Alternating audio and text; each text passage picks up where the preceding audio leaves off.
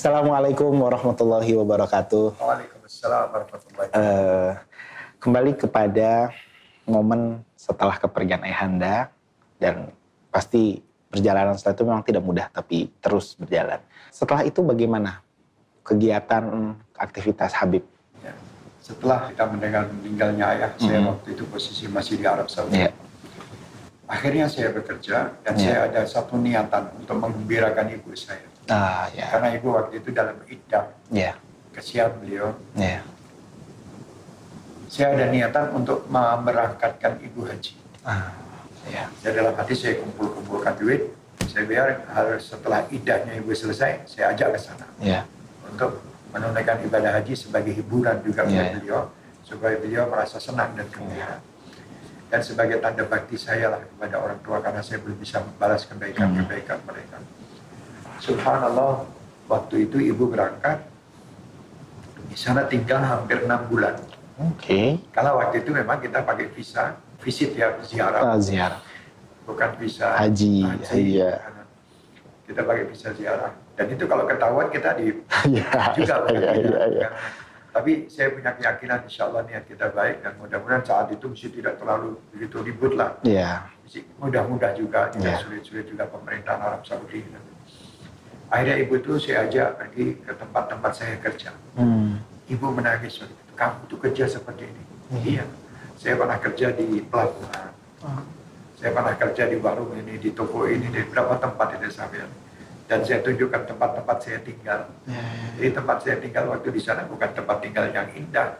Orang-orang Indonesia mungkin lihat orang datang dari sana, wah ini banyak duitnya, banyak. Iya, iya, tapi iya. di sananya kita, masya Allah, tinggal di satu petak itu, di situ Hmm. dapurnya, di situ kamar mandinya, di situ kita tidur orang Hmm. lima, Hmm. orang enam jadi satu. Hmm. Istilahnya kayak sekarang dikatakan kayak banteng gitu. Sarden gitu, Iya, gitu, ya, ya, ya. taruh semua. Subhanallah. Iya, iya. Tapi ya itu demi untuk menyenangkan dan mengembirakan keluarga Iya. dan orang tua. Ini karena perintah orang tua Iya, juga iya. apa. Saya semangat waktu itu karena saya dibawa dengan ingin menghajikan ibu. Iya. Subhanallah sampai ibu haji sama saya waktu itu tahun 83 sampai pulang Hmm. bersama saya. Hmm. Jadi pertama kali saya ziarah ayah itu Iya. sampai pulang di sini. Dan dari itu terus saya bilang sama ibu, saya akan kembali lagi ke Arab Saudi Hmm. untuk menyelesaikan tugas-tugas masih ada sambil membantu kakak-kakak saya Hmm. dalam mencarikan nafkah untuk keluarga. Hmm. Jadi kita kerjasama dengan kakak-kakak. Kita alhamdulillah mempunyai kakak-kakak yang baik dan luar Iya. biasa dan punya adik-adik yang masya Allah semuanya. Dan insya Allah mudah-mudahan keberkahan itu selalu berada dalam kebersamaan. Amin. Subhanallah saya bilang sama ibu saya kembali. Nah kembali saya itu maksud saya bukan kembali karena saya sudah tidak betah. Karena Ah, orang yang saya cintai sudah tidak ada di sini. Iya. Walaupun saya tidak bukan terus tidak cinta sama yang lain. Iya. Jadi kayak ada satu beban yang hilang dari saya. Iya. Bapak bukan beban satu uh, kecintaan yang an. hilang. Iya. Satu figur yang saya idolakan betul hilang. Iya. Jadi saya bilang saya kembali aja. Saya kembali waktu itu lima tahun tidak pulang-pulang. Ya, Iya. lima tahun. Tapi memang itu demi untuk uh, kehidupan. Kehidupan juga pastinya. Ya.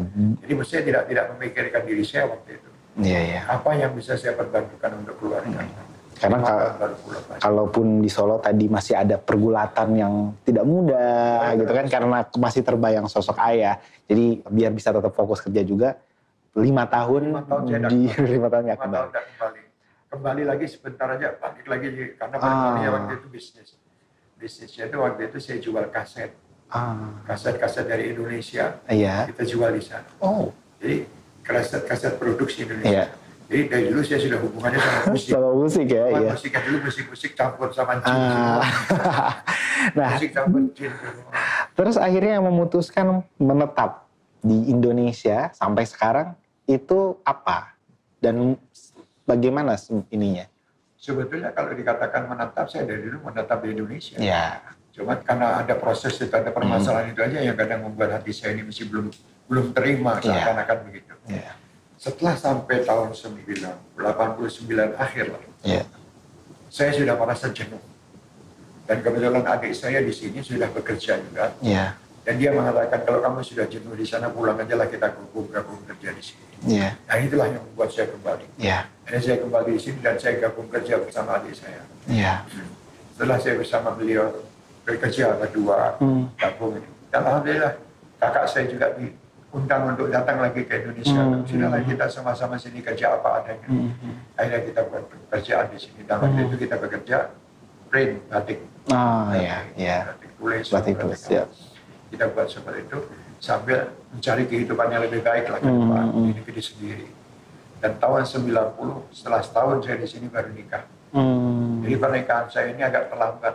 Ya, Saya nikah usia saya sudah 30 tahun baru menikah. Ya. Tapi adik-adik saya sudah menikah dulu.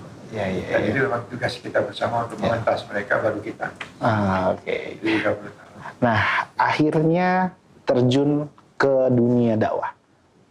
Apakah saat itu memang ya sam- nyambi atau memang dah saya fokus ke sini? Ya.